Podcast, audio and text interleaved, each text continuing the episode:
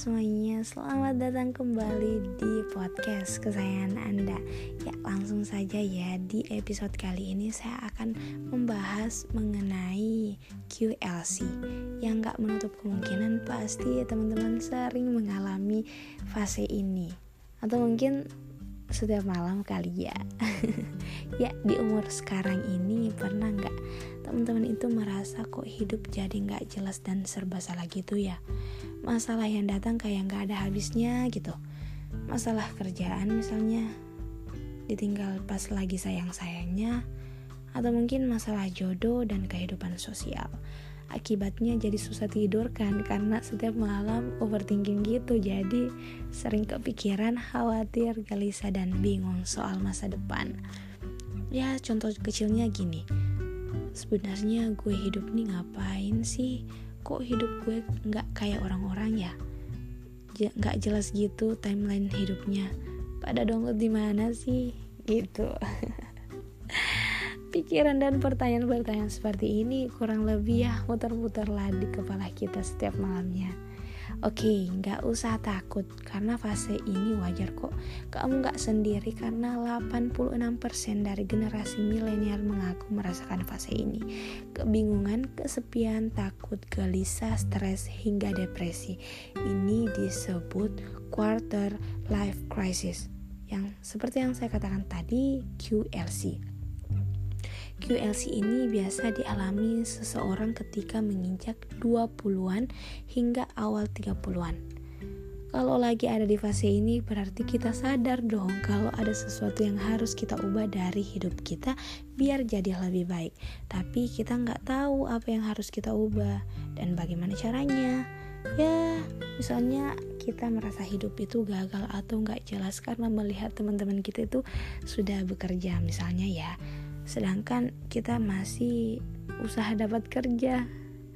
Jadi kita kepikiran kok orang-orang bisa dapat panggilan interview?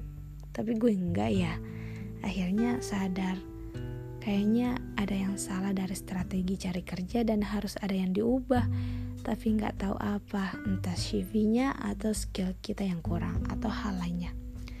Hmm, penyebab gue sih biasanya karena kita uh, atau mungkin pertama kalinya ya kita susah cari kerjaan atau jenjang karir yang stuck di situ-situ aja.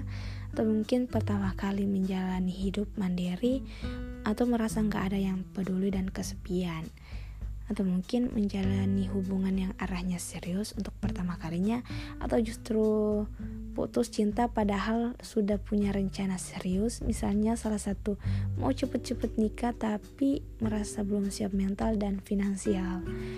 Ya saya akan memberikan pertanyaan. Bagaimana cara menghadapi quarter life crisis? Ya ini adalah fase yang sangat sulit sih. Dan saya merasakan dan saya menjalankannya yaitu stop membandingkan diri dengan seseorang. Karena salah satu yang bikin kita sering merasa gagal kalah atau terlambat adalah terlalu banyak melihat orang lain. Ya biasanya lewat sosial media. Namanya juga sosial media ya. Yang diupload kan gak semua bisa. Biasanya tuh cuman yang senang-senangnya aja. Jadi cuman bagian senang-senangnya aja yang kita lihat uh, misalnya kita melihat Insta Instagram story teman kita sedang bekerja di perusahaan X. Dia kelihatan bahagia tapi kita nggak tahu kalau misalnya dia sering lembur sampai jam 3 pagi telat makan atau keluar masuk rumah sakit. Terus akhirnya kita nggak apa ya merasa kayak gagal karena tidak sebahagia dia dengan pekerjaannya. Daripada waktu kita habis untuk membandingkan diri sendiri dengan orang lain ya kita harus merasa apa ya kita harus berhenti dan fokus dong dengan diri kita sendiri kak. Karena kita pasti punya tujuan sendiri untuk hidup kita dan bukan hidup uh, apa ya dan itu bukan hidup seperti orang lain gitu. Dan tentunya kita juga harus sabar dalam berproses dong. Uh, uh, apa ya? Buat standar uh, kita itu sendiri. Buat standar kita sendiri jadi itu yang bisa saya sampaikan kali ini. Semoga teman-teman bisa termotivasi termotivasi uh, dengan fase quarter life crisis ini.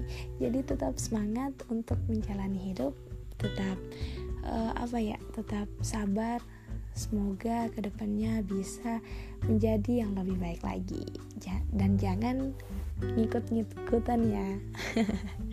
Bye bye